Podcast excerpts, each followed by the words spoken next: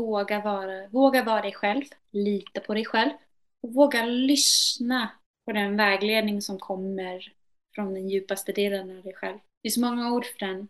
Intuition, magkänsla, andlig kontakt, vad den må vara. Att våga lita på de här subtila signalerna som är viktiga. Det är viktig information för att du ska kunna leva ett liv som känns gott i dig. Och ta det lugnt. Tusan. Eh, låt det ta tid. Det du vill göra, om du vill bygga någonting. I veckans avsnitt av podden gästas vi av artisten Fia Forsström som har varit en stor influens för mig själv faktiskt när det kommer till att inspirera och att stärka med hennes låtar och texter. Jag brukar säga att eh, musik som Fias är en genre som kallas medicinmusik, för mig i alla fall. Och det är musik som jag brukar sätta på kanske när jag känner mig låg eller behöver en extra boost. Och för många andra som lyssnar så kanske du kan känna igen det i att man sätter på viss musik när man mår kanske sämre eller i ett negativt tillstånd. Och just det har jag gjort faktiskt själv med Fias musik. Så det är jättekul att hon vill vara med här och dela sin historia och sin visdom. Och i detta avsnitt så snackar vi just om att våga följa sitt hjärta. Att eh, vägen till att bli artist inte alltid var en spikrak väg för henne. Och vi snackar också om att bryta ner våra egna negativa tankemönster och också hur vi kan använda vår finkänslighet till någonting större. Att använda eh, högkänslighet till att bli en superkraft. Så varmt välkomna till det här avsnittet med Fia som var jättekul att spela in. Och för er som lyssnade på förra veckans avsnitt så hade vi en tävling där man kunde vinna en signerad bok av Kai Pollak. Och vi har dratt ett namn här och vinnare av den här boken är Baiba Olsson som har delat detta på sin Instagram story i veckan som har varit. Stort grattis till dig Baiba och jag kommer att inom kort kontakta dig och eh, skicka den här boken till dig. Och tack för alla andra som har varit med och deltagit i den här tävlingen. Och det här avsnittet är sponsrat av Pureness. Använder du koden PLC-podden med 2D på deras hemsida pureness.se så har du 20% på hela deras sortiment av bra produkter. Kan varmt rekommenderas. Nu kör vi igång med veckans avsnitt. Hej och välkommen till PLC-podden, podden som förändrar Sveriges syn på hälsa med mig Robin Hallsten. Och idag har jag med mig en speciell gäst. En, eh, det som är så kul när man skapar podd och man får välja gäster själv också emellanåt. Det är att idag har vi Fia Forsström med oss som är spirituell singer-songwriter som med hennes inspirerande texter och melodier har ett unikt sätt att skapa musik som stärker lyssnaren komma i djupare kontakt med sig själv för att hitta sin egen medicin. Och eh, jag har själv hittat min egen medicin i Fias låtar och en av de mest frekventa artisterna som jag själv börjat lyssna på. Särskilt när jag behöver inre stöttning och guidning. Så det är med väldigt varmt hjärta som jag introducerar dig här idag, Fia, till PLC-podden. Välkommen! Tack så jättemycket. Det är fint att vara här igen. Ja. Och det här tog jag ju från din hemsida, det som jag skrivit ner här. Och jag tycker det sammanfattar dig väldigt bra. Men för någon som inte känt till dig sedan tidigare, hur skulle du beskriva dig själv? Jag är professionellt och privat, det är två olika saker. Mm. Men ansiktet utåt så är jag artist och låtskrivare. Eh, och jag vandrar en spirituell väg så det färgar den musiken jag gör.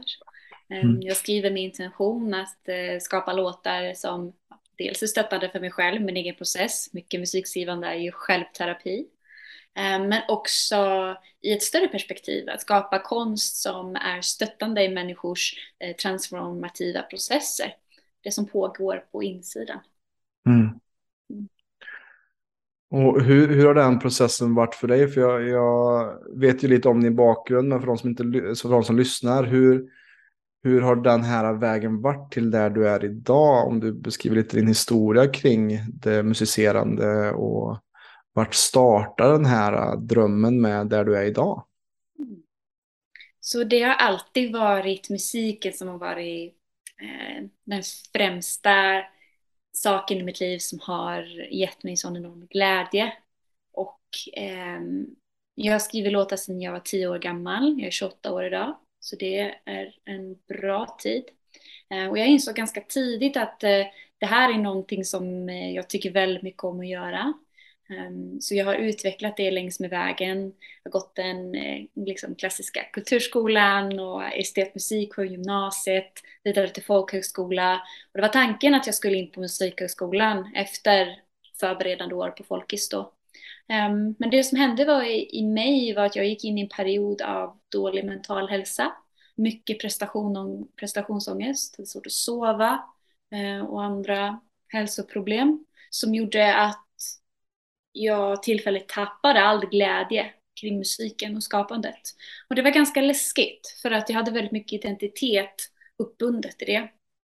Så jag, um, det här var i 2014 Um, och då hade jag gått ett och ett halvt år på Folkis och så hoppade jag av och flyttade tillbaka till min hemstad.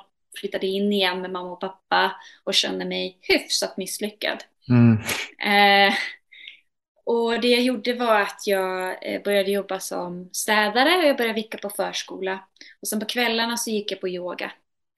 Um, jag hade träffat en kvinna där i Enköping, där jag då, i min gamla hemstad. Monica Vasic som drev en yogastudio i stan. Jag träffat henne redan när jag gick i nian. Så där började liksom den här delen av att vara i sin kropp började bli viktig. Um, men särskilt då i 2014 när jag hade flyttat tillbaka hem så var jag på en, jag var i en, ehm, på en plats där jag behövde riktigt känna in vad är det jag vill och hur vill jag leva mitt liv? Det finns en eh, klassisk väg att gå i musiken. Du pluggar och du utbildar dig och du får papper på att du är professionell musiker, mm. att du kan det du kan och allt sånt där. Vilket är jättebra. Eh, eller du blir musiklärare hur, eller hur du nu vill göra. Um, men jag kände ganska tidigt att jag vill inte gå i skolan mer. Um, jag ville göra min musik. Um, och vid den tidpunkten så kände jag mig inte riktigt, um, jag kunde inte riktigt känna att min musik hade ett värde. För den var inte, eh, inom situationstecken, häftig eller cool. Jag var ingen jazzkatt eller jag var ingen eh, liksom folkig, så här, um, folkmusikfantast på det sättet att jag kunde blomstra där. Så jag kände mig lite lost. Um, så väl hemma då, gå på yoga varje kväll nästintill och jag bara, jag gråter när jag ligger mm. därefter i shavasana, sista viloposition. Och bit för bit så är det någonting som rör sig på inuti. Jag kommer i kontakt med känslor och som jag har tryckt undan. Det som händer är att det, liksom, det börjar vakna någonting inuti mig. Um, och så händer det som ofta händer då när man börjar nysta lite. När man vågar dra i en tråd så kommer någonting mer. Det blir, eh, man upplever synkroniciteter, man ser att eh, när jag rör på mig så rör andra saker på sig också. Mm. Det är sig själv som i relation till allting som är ja. en del av det. Um, och då kom det en bok till mig um, det var, jag kommer inte ihåg vem det var som tipsade om den. Men den boken heter The Power of Now av Eckhart Tolle. Mm. Um, så den pratar om då konceptet av närvaro och medvetenhet. Om att kunna stiga in i det här eh, betraktarperspektivet. Att kunna se sig själv utifrån, att kunna observera tankar, känslor och eh, på så sätt komma till en plats av mer lugn och harmoni och frid med sig själv när man inte är så otroligt uppbunden med allting som händer. Och hur den boken påverkade mig var, ja, dels alla de grejerna, men jag såg det mest hur det eh, transformerade mitt förhållande till mitt skapande och den här då identiteten som låtskrivare och artist. Det som hände var att jag var inte lika identifierad med det jag skapade. Så om jag då skrev en låt som inte var så himla bra, då kunde jag tänka, ja, ja, det var en sån dag. Ja, det var en kasslåt. Medan tidigare skulle jag tänkt, fan vad jag är kass. Just det. Jag kan ju inte det här alls, vem tror jag att jag är? Mm. Och det är, ganska, det, är ett, eh, det är ett subtilt men ändå monumentalt skifte. För att jag fick tillbaka min glädje för skapandet där. Um, det var som att jag kunde kliva tillbaka från när jag skrev musik när jag var liten, när det bara var för att det var kul, för att det var lustfyllt. Um, och ja, sen öppnade sig det mer och mer saker i mitt liv. Jag har varit nyfiken på, person, nyfiken på personlig utveckling, um, spirituella. Jag åkte till Ängsbacka, um, kurs och retreatcenter i Värmland. Mm. Och uh, ja, sen snurrade det på. Och ju mer jag öppnade inuti mig och började utforska de här bland hårt stängda rummen som inte har velat titta på. Vad, vad menar jag med det? Ja, men, trauman, stagnerad energi, allt vad det innebär, skuggor. Ju mer av min kraft hämtade jag tillbaka. Och den här resan började jag skriva om. Mm. Och det är så jag kom in. Det, är så, det var där liksom det började, det här spåret av musiken som jag har gjort nu sen 2015. 2015 började de första låtarna av det här eh, smaken komma till mig. Ja. Och jag brukar se jag brukar dra en liknelse där som du säger med att alltså, öppna upp de här rummen inom oss. Att vi, vi alla bor i en stor herrgård eller slott, men de flesta bor bara i, i farstun av sin, sitt slott för att man inte vågar gå djupare in i sig själv eller att, att upptäcka. För att det finns en sån otrolig kraft i, i, inuti oss allihopa och det är det som din musik har gett mig framför allt. Att våga tro, att våga drömma, att våga sjunga högt också. För till exempel din, dina texter är också väldigt affirmerande. Affirmationer kan vara någonting som jag känner ah, lite så här jobbigt att göra, men när det kommer till att sjunga i text eller någonting så blir det enklare. Um, och det är också lite så här som att i, i, mytologin så är det också så att draken ruvar över liksom, skatten alltid. Och det är så inom oss också. Att bakom våran trauma finns kanske vår största eh, skatt. Eller när vi läker det så blir vi som också inom astrologin snackar om Chiron, the wounded healer. Att när vi läker oss själva på ett sätt så hittar vi medicinen som vi kan ge tillbaka till vår egen kultur eller vårt samhälle. För det vet jag också att du har snackat mycket en, en del om just det här att vara HSP eller högsensitiv och jag snubblade också över den i, min, i mina tonår när jag också hade mycket ångest och snubblade också över samma bok som du fick där, Drunkna inte dina egna rädslor. Um, och det känns som att för att vara och skapa på det plan som du gör så behöver man också ha liksom antennerna ute och att det kan vara på gott och ont såklart. Men kan du berätta lite just det här också?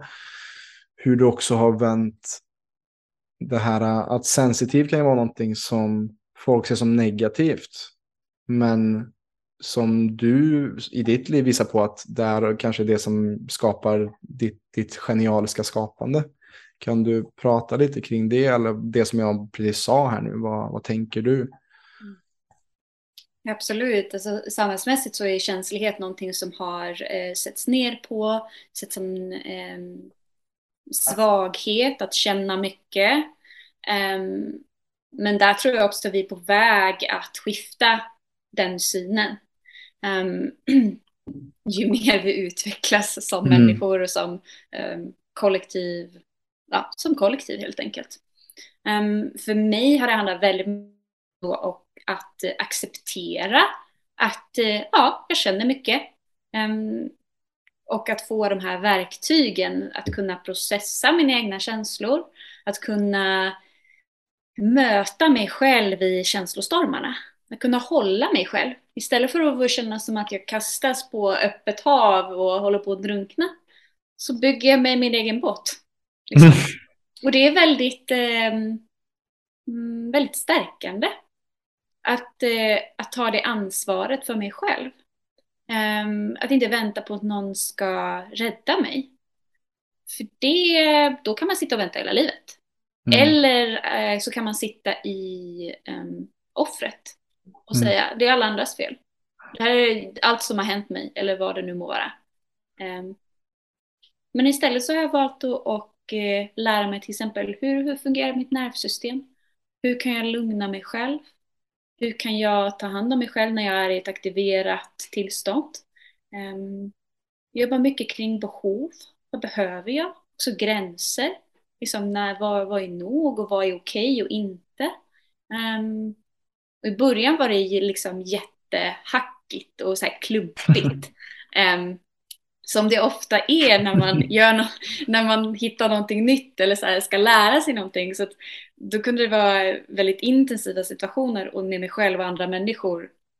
Um, men jag känner nu så, så har det blivit mjukare, det har blivit mer smooth. Um, och jag känner att min känslighet är integrerad. Och en integrerad känslighet i mig har gjort att um, det är verkligen uh, en superkraft i mitt skapande. Att kunna välja när jag, um, du pratar om känselspröten, när jag vecklar ut dem extra mm. mycket. Till exempel då jag sitter när jag ska skriva. Eller om jag sitter med en vän som har det jättetufft. Då vecklar jag ut dem och bara finns där med den människan. Och om den frågar, kan du, har du något att säga eller kan du hjälpa mig? Då har jag hjälp av känsligheten också. Um, jag har lärt mig nu när jag rör mig ut i världen att eh, ta hand om mitt energifält, om vi går in och pratar på den delen också. Att, eh, att, eh, att välja när jag öppnar och när jag stänger. Och det handlar inte om att vara eh, tillgänglig eller inte, eller att vara så här avstängd sådär, utan det handlar om att när jag går omkring i världen så gör jag ett medvetet val, och det är min intention då, att eh, nu går jag inte in i, nu, nu har jag inte alla sprön öppna så att jag plockar upp allting. Vilket gör att jag nu kan röra mig var som helst och må riktigt bra. Jag kan fortfarande bli trött och överstimulerad. Men det blir inte, det blir inte lika jobbigt på samma sätt för jag vet hur jag ska hantera det. Mm. Um, ja. Och vad har varit din största nyckel där eller insikt kring ja, men den personlighetstypen som du är? Att, vad, och för någon som lyssnar, vad har varit viktigast för dig i den upptäckten? Liksom, vad har hjälpt dig mest?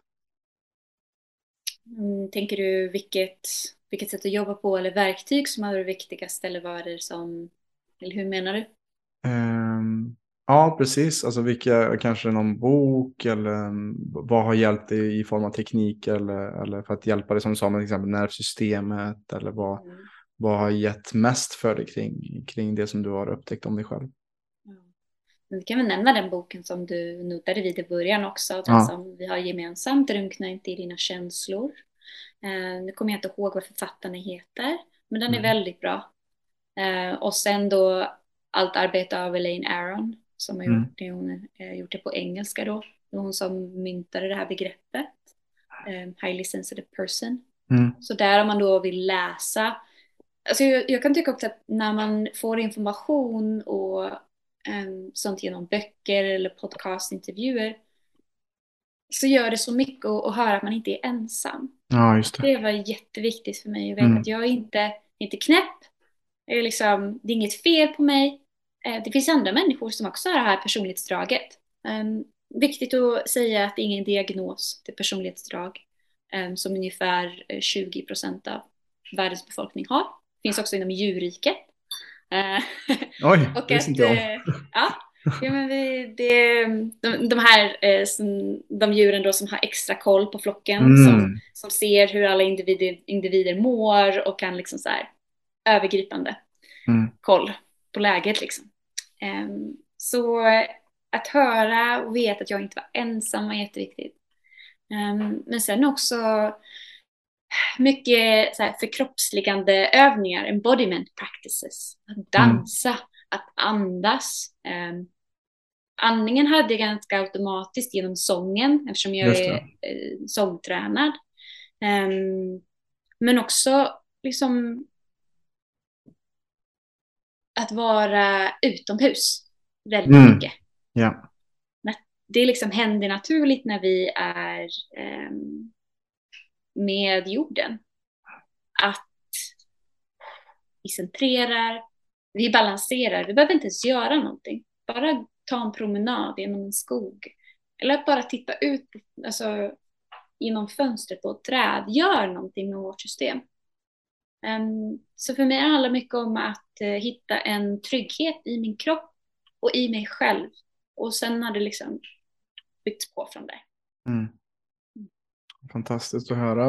Och jag kan bara instämma där. Jag bara ler när du säger naturen. För att jag sitter själv och kollar ut över där jag bor. Så bor jag i ett naturreservat mm, precis utanför fönstret här och blickar ut över en sjö. Och det är exakt så, du vet, när med allt kaos som håller på i världen. Och jag tror att vi aldrig varit så vilsna som kollektiv. Mm. Att bara, det räcker bara lämna mobilen, lämna wifi och bara gå barfota i skogen och bara se, liksom, notera att här verkar ingen bry sig om Ryssland och Ukraina. Här är det ingen som bryr sig om eh, energikris hit och dit, utan allting funkar. Och det är någonting som är betryggande i det också och bara vara i inkapslad och eh, omkramad av naturen på något sätt. Och det här som du sa också innan vill jag också gå tillbaka till det här med att det är någonting med att veta att man inte är ensam. Att veta att vi, det är, jag brukar säga det också till klienter jag jobbar med, att ju mer personligt du tror någonting är, desto mer universellt är det. Men det är så lätt i dagens samhälle att tro att lilla jag har bara det här för mig. Eller just, jag, jag tror att vi aldrig varit så uppkopplade och sammankopplade med resten av världen men aldrig varit, känt oss så ensamma och isolerade i det. För att vad skärmarna gör är att det, de är gjorda för att vi ska spendera så mycket tid på dem som möjligt men det gör också att vi blir asociala kanske till vår fysiska värld. Och att det kan skapa mycket isolation och att vi kanske inte ens träffas fysiskt eller ringer någon utan vi kommunicera med emojis och, och bara text. Och just det där är också någonting som jag bara fick känna nu i helgen också med det här att, att vara med en kompis som också, eh, också går en väg som kanske är lite mer ensam som jag också kan känna att jag gör ibland också. Att jag gör inte precis som alla andra gör. Och bara veta att det finns andra som gör det runt omkring mig. Det är så bara, ah, vad skönt. Liksom att veta att, att det kan vara ensamt och vara typ som en pionjär eller att göra någonting nytt som, som jag ser också det som du gör är också så här att ja, men, jag kunde gått vägen med att plugga och få på papper att jag kan musik, si och så, men du valde en helt annan väg och nästan en, en genre som inte heller är så liksom bebodd av eller, eller så många som gör samma sorts musik för att du följer ditt unika uttryck och ditt unika fingeravtryck i ditt skapande och du väl, valde att inte följa normen och den formen som gavs utan du skapade en egen väg. Och, och det är det som är så fantastiskt men också läskigt. Att vara, eh, att, jag vet inte riktigt vad jag ska följa här nu för att jag är först typ. Kan du känna så mycket i, i, i ditt liv också eller generellt liksom? Jo, det kan, det kan jag spegla mig i, absolut. Mm. När den här musiken då, när jag började skriva den, ehm, så kände inte jag till så många som, som skrev liknande låtar. Sen Mm. allt eftersom så hittade jag eh, artistkollegor, men de flesta av dem är utomlands. Det, är Mm. inte, det var inga i Sverige som jag visste om då. Mm. Men jag tyckte att det var eh, spännande, för det betyder ju att det finns ett behov Just det. Det finns, om man då ska glida in på entreprenörskap, det fanns ju det fanns ett hål i marknaden eh, som, som tycktes ha mitt namn skrivet på det. Mm. Eh, och som du sa, jag ville inte, jag ville inte gå en traditionell väg för den kändes inget bra, den passar inte mig. Mm. Mm. Och då insåg jag att jag måste skapa min egen väg. Och jag behövde då skriva, kliva in i entreprenörsrollen. Och det var, det har varit och är en fantastisk, det har varit en omtumlande men väldigt rolig resa. Jag har Mm. insett att det här är ju perfekt för mig. För jag gillar att bestämma. eh, över eh, mig själv och min egen kreativitet, min egen tid. När och hur och hur mycket eller hur lite jag ska jobba. Um, I vilken miljö och sånt där. Um, med erfarenhet av att ha varit anställd så var inte det så jättenice för mig. Mm. Så det här då, då var det värt att kliva in i det okända och att göra någonting som var, eh, som var nytt. Um, och nu har, det, nu har det gått några år och har byggt med tiden och det har varit fint. Mm. mm. För att mer och mer så har jag känt så här att jag sitter verkligen på min plats. Mm. Den stolen där det står Fia på, det, har det är så skönt. Um, när, när jag insåg att jag kan göra precis vad jag vill.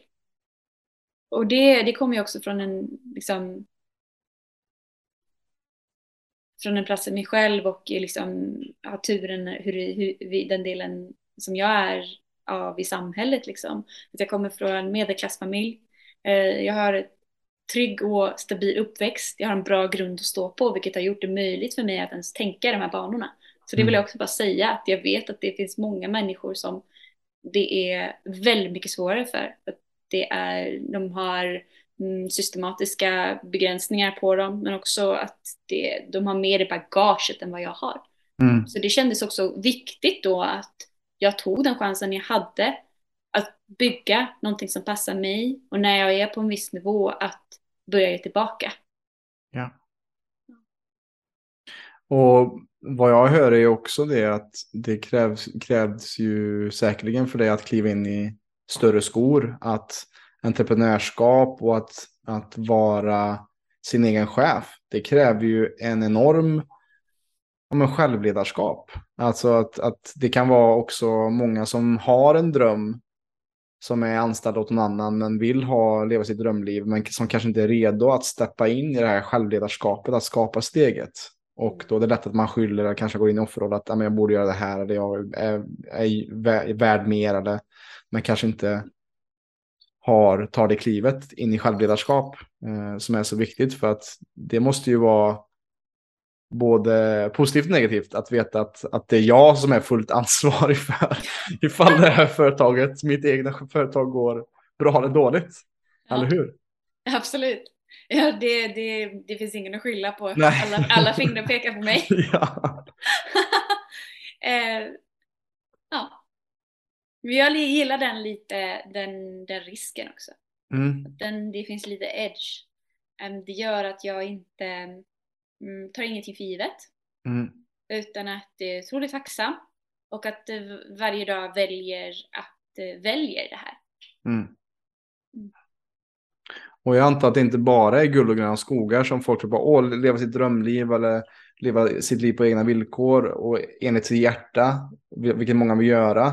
Det är inte bara att det är positivt och att från det att jag följer mitt hjärta kommer det vara enkelt. Men det kanske kommer vara enklare när det, är, när det är tuffare dagar, när man jobbar med det för att man vet att det är värt det jämfört med att man kanske lägger tid hos någon annan som man eller när man gör någonting som man kanske inte är driven för och gillar att göra. Mm. Men, men vad, på tal om det då, vad, vad har hjälpt dig att hålla den kursen och, följa ditt hjärta? Jag tror det är flera saker. Den, den, en stor del är min, är min andlighet. Den spirituella mm. delen av mig. Att känna att jag har ett värde som människa och att min konst för mer än bara mig själv. För mig handlar mycket om att vara i service. Mm. Och det är en stor drivkraft. För jag vet själv hur det är att hitta de låtarna som kommer vid precis rätt tillfälle, som säger precis det jag behöver höra. Det är fan bland det finaste som finns. Mm. Den här, antingen är det, det kan vara tröstande, det kan vara peppande, det kan vara en kick i baken. Det kan vara en varm kram. Vad nu än, vilken form musiken tar för en så är det ju liksom en sån gåva. Och det är ju helt otroligt att en del av mitt jobb är att eh, ge till andra människor. Och liksom då den balansen, det kan låta väldigt självgott. Jag ger gåvor till människor. men jag tror att vi behöver ett visst mått av um, vi behöver kunna lyfta oss själva på det sättet. Att se oss själva som viktiga och vi har någonting att bidra med. Um, det betyder inte att uh, vi kommer med alla svaren eller att vi är bättre. Jag återkommer till det igen, att jag sitter på min stol och jag gör, jag är, jag är, jag gör min del. Jag mm. bidrar med min del i det här pusslet. Och det är fint. Um, och eftersom jag är egenföretagare så är det jag som behöver säga det till mig själv. För jag har mm. ingen annan chef som kommer klappa mig på axeln. Fan, det där gjorde du bra Fia. Nej. Utan det är jag som får göra det. Mm. Um, och jag tror att när, när världen gör ett skifte Ehm, från vad kan jag få, vad kan jag ta till vad kan jag ge på stor skala, då kommer vi se stor förändring. Ja. Ja, precis. Jag vet, jag nämnde det, jag tror jag, i något annat avsnitt också, det här att det, det är så indoktrinerat i oss att att leva från en bristmentalitet jämfört med överflöd. Att vad kan jag få, vad kan jag ta av världen istället för vad kan jag ge? Och på så sätt, när vi ger så får vi ofta tillbaka tusenfalt. Eh, men att vi är så vana vid att, att det är en dog eat dog world, att vi ska roffa åt oss och att eh, eh, vad det nu kan vara just med, med den historien. Alltså att vi också på något sätt har kollektiva föreställningar av vad, vad vi har för, vi skapar egna illusioner med vad vi pratar om och hur vi, hur vi ser på samhället som stort också. Mm. Eh, som jag tycker är intressant också med din musik också, att det kan bryta upp så här, tankemönster i mig eller de som lyssnar tänker jag. Alltså kring ens egna värde eller kring överflöd och brist och den biten. Och jag är också intresserad Fia, du är EP-aktuell med cirkeln. Och det är också första gången du eh, släpper någonting på svenska vad jag förstår va? Um, hur, hur känns det att ge, sjunga på svenska och, och, släppa det och också vad inspirerar dig i, i ditt skapande? Ja. Så cirkeln är då en samling av mantran eller kraftsånger på svenska. Så det är låtar med repetitiva texter som är skapade för att få sätta oss i ett eh, annat medvetandetillstånd. Mm. Um, för att kunna skapa den här förändringen inuti. Mm. Och det var så fint för att jag, när jag började skriva när jag var liten så började jag såklart skriva på svenska. Men jag har aldrig släppt någonting officiellt på svenska. Så det här känns eh, jätteroligt och det är ett fint samarbete tillsammans med Robert Eklund som också har gjort eh, The Medicine EP tillsammans med mig. Fantastisk producent och ljuddesigner. Och eh, jag vill eh, dela de här, de här kraftsångerna eh, så att de så att de kan spridas i cirkelarbete, i ceremoniellt arbete som jag mm. vet händer här i Sverige. Så kvinnocirklar, manscirklar, alla, alla slags sammankomster där människor är i community och gör helande arbete av olika slag. Mm, och jag vet hur kraftfullt det är att sjunga sådana här sånger. Det finns mycket um, om du har mantran då från öst eh, och sen har du klassiska medicinsånger, eh, mycket från Sydamerika på spanska. Och så kände jag, men det måste finnas något från norr också. Så bara, det kanske är jag. Okej, okay. ja men jag kan väl börja då. Så förhoppningsvis så är det någon annan som skriver och spelar in och delar också. Mm. Um, så det här är då låtar som jag har skrivit uh, för min egen uh, utveckling, för min eget arbete. Ehm, min, och sen också har jag delat dem i cirklar med människor jag mött. Ehm, och fått respons då, att vi inte är här och lyssnar på någonstans. Och då har mm. jag vetat, okej, okay, då är det dags att spela in när jag mm. hör folk säga det. Ja. Så att, ehm, ja, det, den kom ut i början på september och har tagits emot fint och det är jag jättetacksam för. Mm. Och jag är en av de människorna som också använder det i, på retreats och på mm. andra cirklar som jag leder. Så att det, det är tacksamt. Eh, din låt I am är liksom en, en, en sånt ledmotiv som, jag, ja, som man kan sätta på i, i stort sett när som helst känns det som. det, Eh, att, att det liksom, eh, man kan aldrig få nog av den låten känns som på att stärka människor med hjälp av den. Men, men eh, min andra fråga där då, vad, vad är det som, vart hittar du inspiration? Vart hittar du inspiration till dina texter? Hur, hur får du ner den här uh, magin på, på um, text helt enkelt? Jag har insett att um, inspiration landar inte bara i knät på mig, utan mm. att jag behöver göra utrymme för det. Så jag skriver varje morgon mellan en till två timmar. Um, och det, vad det gör är att det skapar utrymmet för inspiration att ta plats och komma, komma till mig. Mm. mm. Mitt skrivande går väldigt mycket hand i hand med eh, min andliga praxis.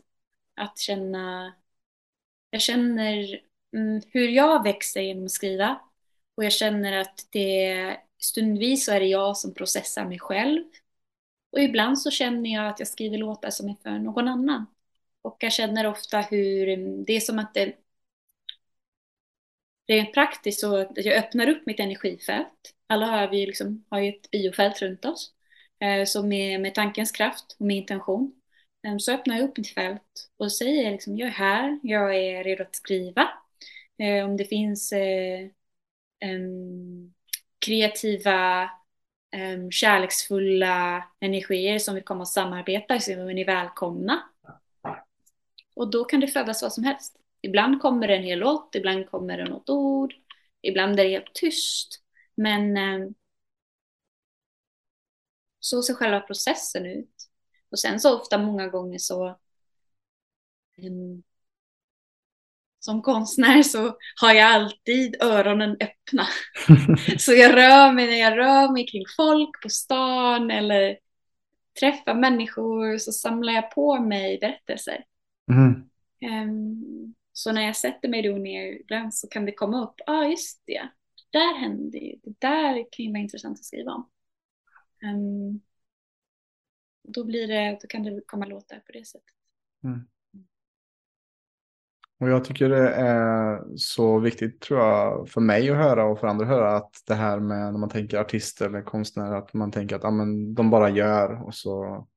Men som du säger att ah, men, jag dedikerar en till två timmar varje dag till att skriva för att alltså att skapa den här kvantiteten som sen då kan bli den här äh, kvaliteten som blir så att det inte är att du bara ja nu ska jag skriva en låt här utan att det krävs tid och det krävs dedikerad, eh, eh ja men alltså som att det är som en andlig eh, del av, av din dag, att sitta med sig själv och filosofera, skriva, göra plats för vår storhet och inte bara tro att det ska landa i sitt knä. Det tycker jag är viktigt för mig att höra också. Att, att storhet och, och, och, och den biten måste också bejakas och underhållas och ges utrymme till. Och det är ingen som kommer komma gratis egentligen. Mm.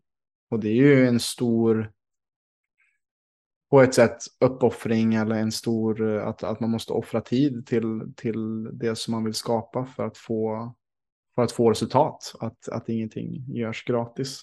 Jätteviktigt ju. Ja. Helt klart. jag mm. tänker ju på elitidrottare till mm. exempel. Mm. Alltså det, Mm, jag tror att för att, kom, för, för att uppnå någon slags resultat så behövs det, precis som du säger, vi behöver dedikera. Vi behöver mm. ibland offra också. Välja bort saker för att välja någonting annat. Mm. Och att eh, jag tror mycket också, jag vill ju bli mästare på det här. Jag vill ju bara bli bättre och bättre och bättre på att skriva låtar. Bättre och bättre och bättre på att stå på scen. Då krävs det att jag tränar, att jag mm. övar. det, är liksom, det, är, det är muskler, det är kreativa muskler. Och för mig funkar det att tänka så. Eh, mm. Och för mig, jag blir motiverad av det. Det handlar inte om att tävla mot andra, det handlar om att tävla mot mig själv. Liksom, hur bra kan jag bli i detta liv? How, liksom, hur, hur, hur djupt, hur brett, hur stort kan jag vara till service? Mm det är en spännande tanke som driver mig framåt. Ja, jag kommer ihåg när jag intervjuade dig för uh, två, tre år sedan också hur uh, liksom din vision var också var att tänka att ha, spela I am på en stor stadion och, och med kanske kör och hela faderullan och mm. se liksom den processen. Vad behöver jag ta för steg för att nå dit? Det där kommer inte ske automatiskt utan vad, vad är det som jag behöver göra? Vad är det i min längtan till det här? Även fast du kanske är nöjd med där du är just nu. Att det, men det finns en suktan efter, ja men ja, mer. Mer och jag vill, jag vill nå ännu mer människor kanske och jag vill transformera och hjälpa till och stötta andra på deras resa. Och det har varit så fett att spela inför stadion. Liksom. Att, att se att det krävs eh, repetition, repetition, repetition. Och eh, att nöta in, som du säger här. Precis som en idrottare så kan man se det som sitt konstnärskap också. Eller som en musiker också. Att det, att det är viktigt att de här, ja men som man snackar om de här 10 000 timmarna, att verkligen jobba på det. Att, att uppnå sitt, eh, sitt genialiska jag på något sätt och, och att bejaka det. Ja, får jag dela en sak till där? Mm, absolut. Jag känner att den, den arenabilden stämmer inte längre för mig. Ja, okay. Nej. Utan det var ett skifte som skedde förra sommaren. Mm. Då det varit väldigt tydligt att det, jag, jag vände att eh, det inte är så här eternal growth på det sättet mm. att det mm. behöver bli större. Nej. Um, men att jag vill bli ännu bättre på det jag gör. Mm. Sen vilken form det tar sig, det, det får jag se. Men, jag, men det har varit ett tydligt skifte att jag släppt en längtan att det måste bli det här. Och istället är jag nyfiken och ser, okej, okay, Um, om jag fortsätter att jobba och att vara i min sanning, vilket uttryck vill det ta sig? Um, för att jag tror också att det går i cykler. Och eh, expansion och liksom, hittar jag inte det svenska ordet? Kontraktion. Ja, kontraktion. Mm. Precis. Um, och att eh, det behöver inte bli större. Större och bättre behöver inte vara synonyma. Det kan bli bättre utan att bli större. Just det. If that makes sense. Får jag, ja, får jag fram ja, jag försöker säga? Absolut, och jag, jag, tror att det kanske också har med mognadsprocess att göra också. Att, att ja. man kan se det amerikanska sättet, men när det kommer till Alltså som vi är så här, bigger is better. Mm. Det behöver inte vara det alls egentligen. Eh, och att framgång behöver inte vara, alltså för du har musiker som spelar för stadiums och sen då så mår de piss och är missbrukare och, och, och tar livet av sig. Exakt. Så att så det du menar, eller det som du pratar om här är ju liksom också att, att det kanske har skiftat i att amen, det behöver inte vara att jag säljer slut ett, ett stadium eller mm. att det behöver vara på den stora scenen utan att det kan vara, ske på andra sätt. Eller det kan vara, få ett annat uttryck och det behöver inte vara på det här sättet då att det låter också hälsosamt att vi släpper också taget om det som vi trodde vi behövde för att jag har ju också märkt i mitt liv att när jag har uppnått de sakerna som jag skrivit ner från mitt huvud, liksom, att när jag väl uppnått vissa saker så är det en enorm tomhet i att jag trodde att jag trodde jag skulle vara klar nu. Jag trodde att jag skulle vara framme och att alla problem skulle lösa sig och hej och hå. Och sen så är det nästa dag är bara en ny dag. Och så att det tycker jag låter ändå hälsosamt också. Att det, en dag kanske det sker, att du står på en stadium med att, att släppa taget om den drömmen och så kanske den kommer ändå.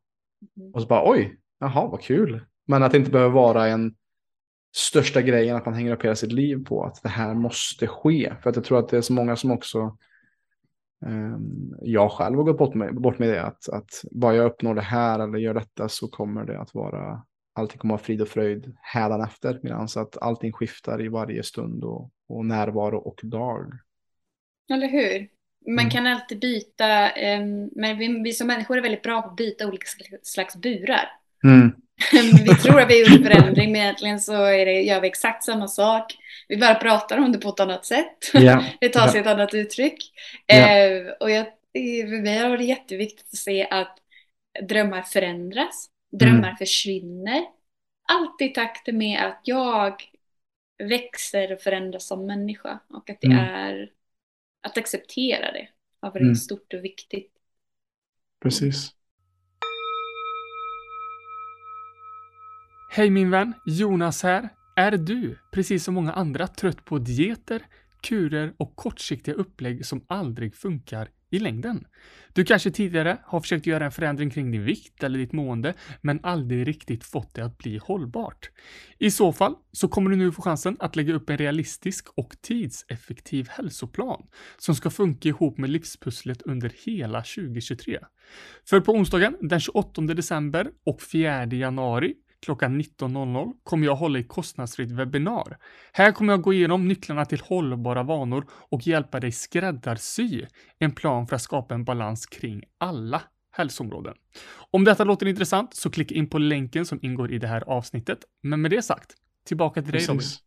Ja, så viktigt. Så viktigt att, att också men våga släppa taget om det som man håller fast vid. Att, så här, att bara för att jag ville ha det här förra året så kan jag ändra detta. Men så många tror jag också håller kanske fast vid det här jobbet. För man säger, men det var ju det här jag ville, väl?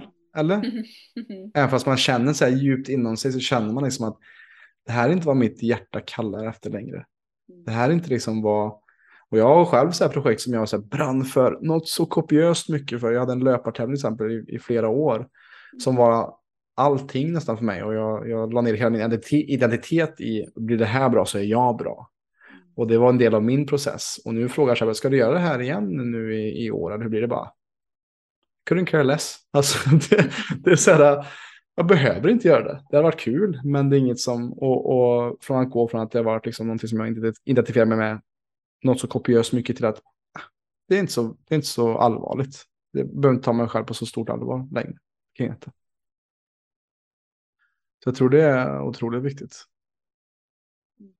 Och jag tänker, eh, jag vill gå vidare med någonting som jag också tänkt på i, eh, när jag skrev ner lite frågor och vad som droppade ner i mig var just det här också med vad vi stoppar i oss, inte bara vad vi äter, utan också vad vi lyssnar på, vad vi tänker och att din musik är väldigt eh, intentionell eller mycket intention i det.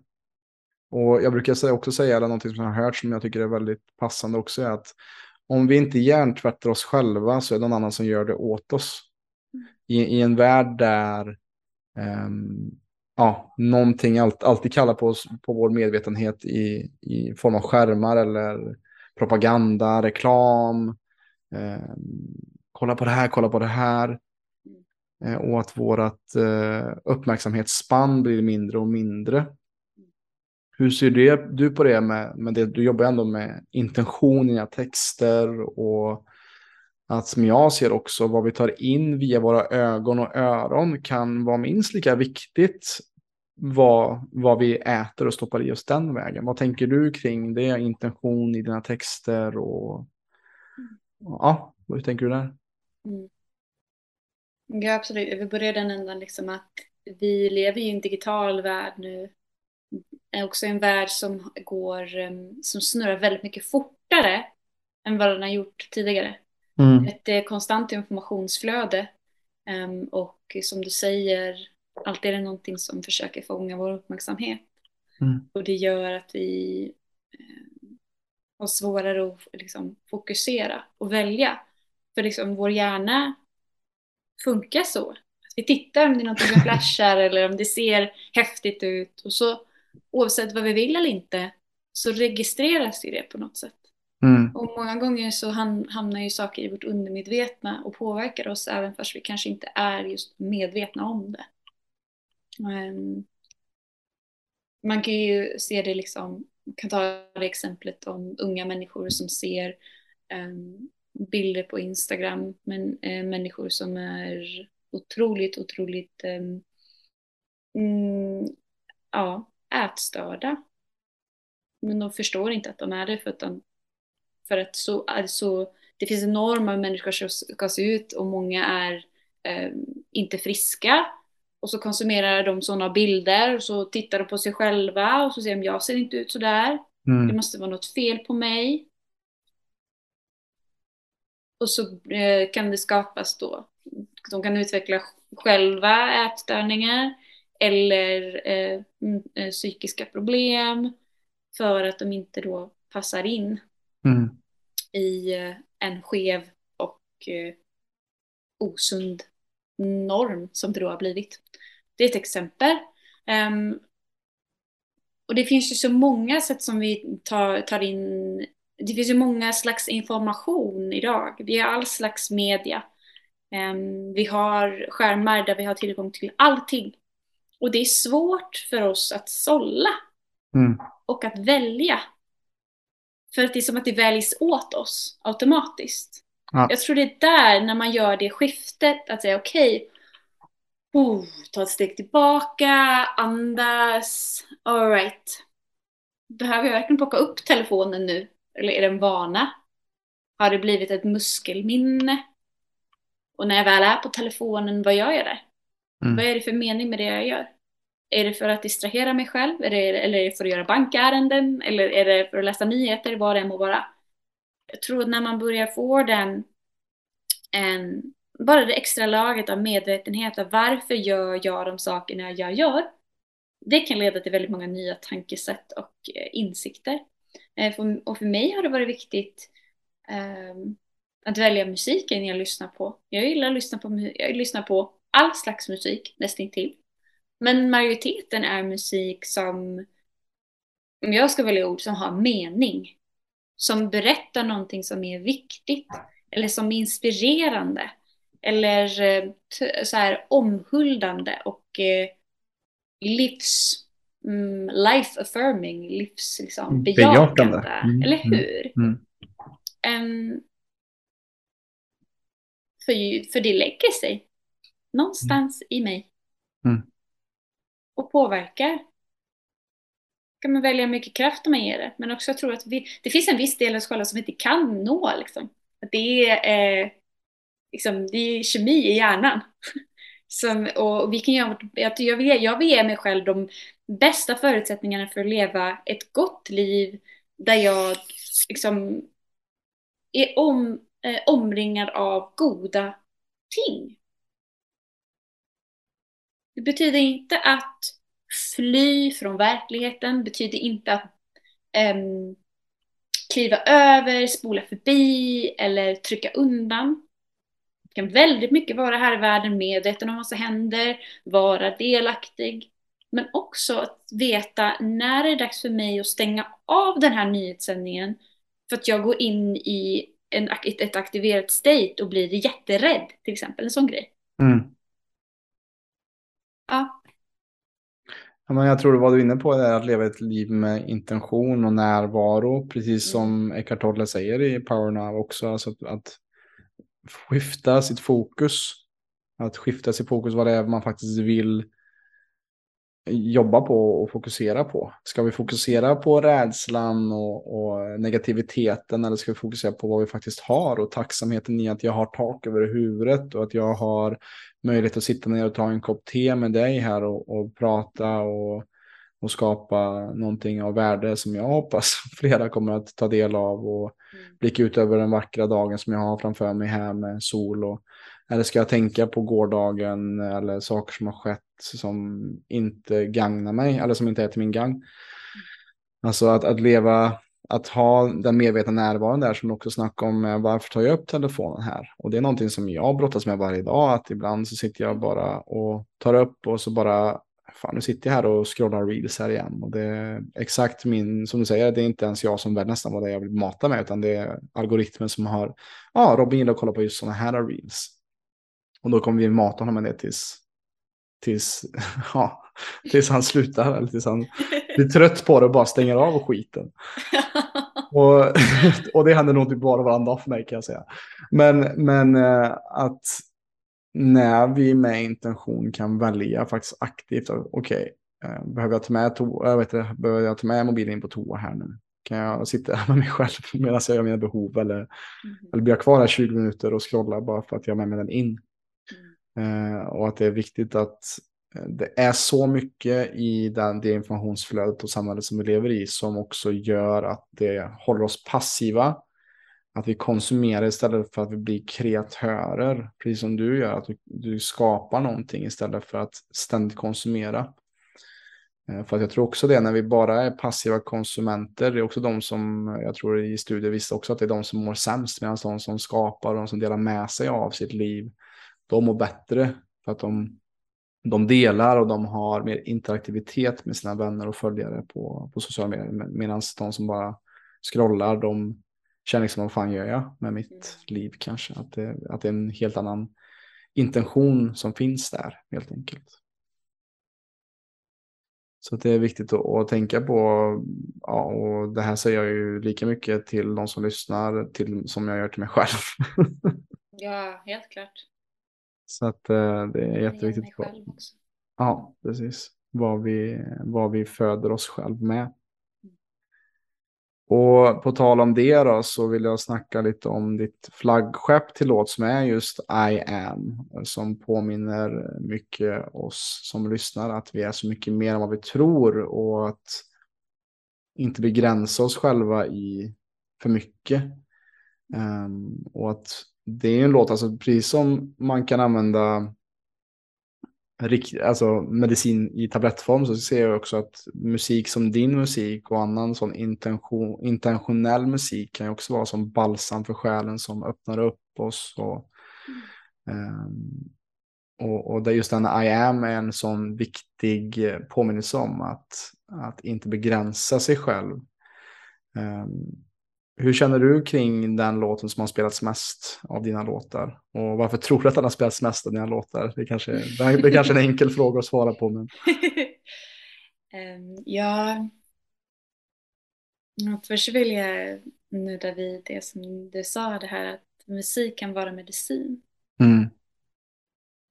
I mångas öron så kan det låta flummigt. Jätte. Men um, Om man då byter ut medicin till tröst. Mm. Eller kärlek. Eller vilket ord man nu vill välja. Att musik, när jag säger att eh, medicin musik så säger jag att musiken tar den formen som jag behöver just i den stunden. För att komma hem till mig själv. För att våga möta min ångest. Eller för att få extra kraft och energi för att eh, mm, kliva ut på den där scenen inför de här människorna eller hur det nu må vara. Mm. Och att musiken har en förmåga att eh, den går, musik är ju, musik är vibration. Det går in i vår kropp, rakt in. Den, eh, mm, det är som att den eh, kliver förbi en del av vår hjärna också. Vi många gånger det exempel liksom, ibland behöver vi inte ens förstå vad låten handlar om, men vi känner den. Mm. Antingen så här rent kognitivt, jag förstår inte språket som de sjunger på, eller jag förstår inte hur den är ihopsatt, men att jag känner den. Och den, den påverkar mig. Den berör mig på något sätt. Och att eh, just med I am då talar ju om um,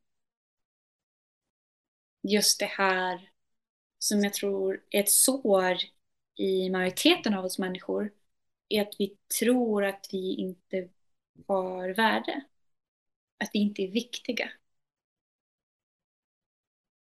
Så den låten är en påminnelse om att du är visst viktig. Och att du är mer fantastisk än troligtvis vad du tror. Mm. Och att sen finns det ju den spirituella aspekten också. Jag tror att vi är en del av allt. Och att vi alla är olika uttryck av alltet. Källan, Gud, gudinna, vilket namn du än sätter på det. Kärlek. Och att den är en påminnelse om att jag är viktig här. Det är viktigt att jag finns här. Och det betyder inte att jag, mm, jag måste skapa världens mest fantastiska företag eller vara si och så, utan det räcker med att jag är som jag är. och att jag är här. Så den låten tror jag har landat så gott i människor just för att den det är en tillåtelse att vara i vår storhet men också vår vardaglighet som är minst lika fantastisk Mm. som det gudomliga extatiska. Ja. Mm. Så viktig. Viktig låt. Och en av mina favoritlåtar. Och, och det är som du säger här, jag tyckte det var intressant det här musik som medicin eller musik som när du byter ut mot tröst.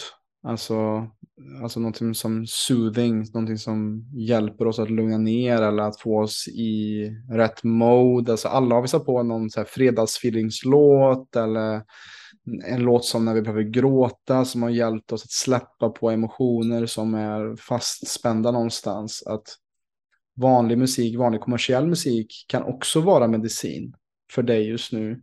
För att det skiftar ditt inre, det skiftar ditt inre till att vibrera på en annan nivå. Och, och det kanske också låter flummigt, men man kan ju oftast känna det om det är någon som är arg i ett rum. Någon är riktigt jäkla arg och du kan också känna när det är en mjukhet eller när det finns ett lugn i ett rum. Vi kan, vi kan känna det särskilt kanske du och jag som har jobbat mycket med just det här det sensitiva, att vi kan verkligen känna in i ett rum. Oj, här har det hänt någonting när jag kliver in i det här rummet. Här, har, här ligger en hund begravd någonstans. Och det kan låta flummigt det vi pratar om, absolut. Men som jag ser också i, i bakgrunden för er som inte som är som lyssnar just nu så har jag en av mina gångar här i bakgrunden och det är någonting som jag har dykt in i sista halvåret mer just ljudterapi när det kommer i form av eh, gång och de vibrationer som det skapar. Och det är så intressant vilken feedback man får från människor efter ett gångbad. Efter de här att man ligger i en, en soundscape eller ett landskap av ljud Mm. som får folk ner djupt ifrån eh, betavågor som är liksom vårt, där vi är närvarande, Mm. ner i alfa, teta och även ner till delta som är här dream state, där vi kan verkligen komma i kontakt med vår intention och det gudomliga. Gudomliga tror jag faktiskt är där, där vi hittar det och det är samma med om man, eh, om man forskar också på de Edison och de gubbarna så var det ju, jag vet inte vem det var, men det var ju någon som satt sig i ett mörkt rum på en stol med nycklarna i sin hand under, under stolen. Och när han tappade nycklarna då vaknade han och visste att nu har jag varit i det här sömnlösa eller i den här dream state. Och då har jag som bäst idéer, här kan jag skapa. Mm. Och det tycker jag också är så intressant när jag dyker in i detta också, när man, om man kollar på shamanismen också, och det som Joe Dispenza håller på med, Bruce Lipton, att det här stadiet av eh, när tid och rum lite försvinner. Eh, och det märker jag ofta att det är just det som folk beskriver när de får en gångbad, att det gått 90 minuter, men de bara, men du började spela för fem minuter sedan, vad har hänt? Och det är oftast där vi kan eh, bryta ner egot eller jaget och våra problem och vår identifiering med det förflutna eller ångesten över framtiden. Mm. Och på så sätt så kan vi hitta läkning. Jag vet inte om de som lyssnar förstår exakt vad jag menar, men, men att det finns sån, eh, precis som hur våra röster vibrerar och de eh, meddelanden som vi får, eh, både medvetet och undermedvetet, påverkar oss. Så kan också musik och vibrationer på så sätt också påverka oss, tycker jag. Eller tror jag. är jag fast besluten om. Ja, men det är ju vetenskapligt bevisat. Alltså, Mm. När vi pratar om energi så pratar vi inte flum. Alltså energi finns. Mm. Det finns ljud som vi inte hör. Mm. Det finns ljus som vi inte ser. Men det betyder ju inte att de inte, alltså de finns ju. Mm. Jag tror det är också att eh, mm, jag tror man behöver komma till en punkt där man vågar utmana sina egna trosföreställningar om saker Mm. och ting. Eh, och när man vågar djupdyka ner i vetenskap. Ja, men, tänk, ta det största exemplet. Tänk rymden. Mm. Vi är på en snurrande boll mitt ute ingenstans. Det är klart det finns saker som inte, alltså, så här. Men det är ganska bekvämt att vara i en så här bestämd bild av hur världen ser ut. Mm. Men att om man känner liksom en lust att mm, det börjar kännas lite obekvämt här eller det är dags för mig att utvecklas, då behöver man våga gå ner i de här sakerna som vi har märkt som i samhället märks som flummiga som Mm. man många gånger upptäcker att det inte alls flummigt. Det är ett annat sätt att se på saker och uppleva men det betyder inte att de är mindre verkliga. Nej, precis. Liten rant där. Mm. Ja, men som jag ser också med, med de jag jobbar med i PLC också, att många som har fått hjälp inom vården med att ja, men det här, du ska få det här pillret och det här pillret och det här pillret och det här ska hjälpa dig. Och sen så har det gått tio år och de är sämre än vad de var när de startade.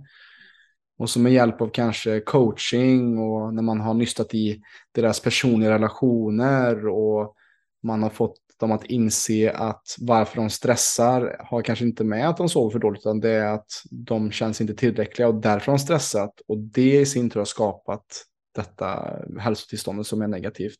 Och det kan du inte ta bort med ett piller utan du måste gå till botten och till djupet av vad är det här för beteende som jag har kanske lärt mig och fått höra? Vad är det för program som jag har fått av mina föräldrar av att jag inte är tillräcklig, att jag inte är bra nog? Och därför kompenserar jag nu i mitt vuxna liv med att göra för mycket för alla andra. Och på så sätt, så 20 år senare, så har min sköldkörtel lagt av. Exakt. Alltså, det är det där som är så viktigt, att kolla på, att gå in på djupet av vad är det faktiskt som påverkar vår hälsa och att, att våra relationer och, och emotioner är också likväl påverkande som vår sömn, vår andning, vår vätskeintag och vad vi äter och hur vi tränar. Exakt. Helhetstänket Ja, är ju... Det är gött. det, det är gött ja. ja.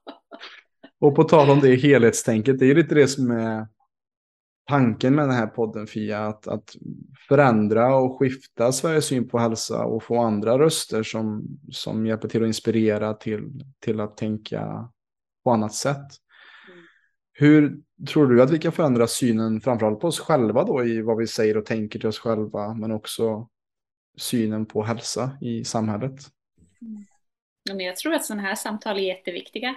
Mm. Ehm, och sen så, jag tror väldigt mycket att ehm, det ligger hos var och en. Att vi har alla en individuell väg att gå. Och den kommer att se annorlunda ut. Ehm, men jag skulle säga om, ehm, om det är någon som lyssnar som känner så här, jo men jag är nyfiken på det vi, prat, det vi pratat om idag eller sånt där, men jag vågar inte. Så säga, men ta ett litet steg, ta ett steg i taget och se Mm. vad som händer. Ehm, och sen också tillbaka till det jag sa, våga utmana det som du är väldigt säker på. Och se saker från nya perspektiv, våga lyssna på nya röster. Eh, och lek med tanken med att eh, du kanske inte vet allting. Och eh, från det stället av nyfikenhet så tror jag man öppnar upp för transformation. Och när vi själva transformeras så påverkar vi dem runt omkring oss. Mm. För de enda vi kan ändra på är oss själva. Det blir ofta Ja. svårt om vi försöker börja ändra andra människor. Utan eh, gör, när vi gör vårt eget arbete så blir det naturligt eh, ringar på vattnet. Mm. Exakt. Men det, med det sagt då, Fia, vad har varit liksom den ingrediensen som har hjälpt dig att transformera ditt liv mest? Oh, bra fråga, det måste jag tänka lite på. Eh, relationer. Relationer. Ja. Mm. Att eh, allt från familjerelationer, kompisrelationer, kärleksrelationer.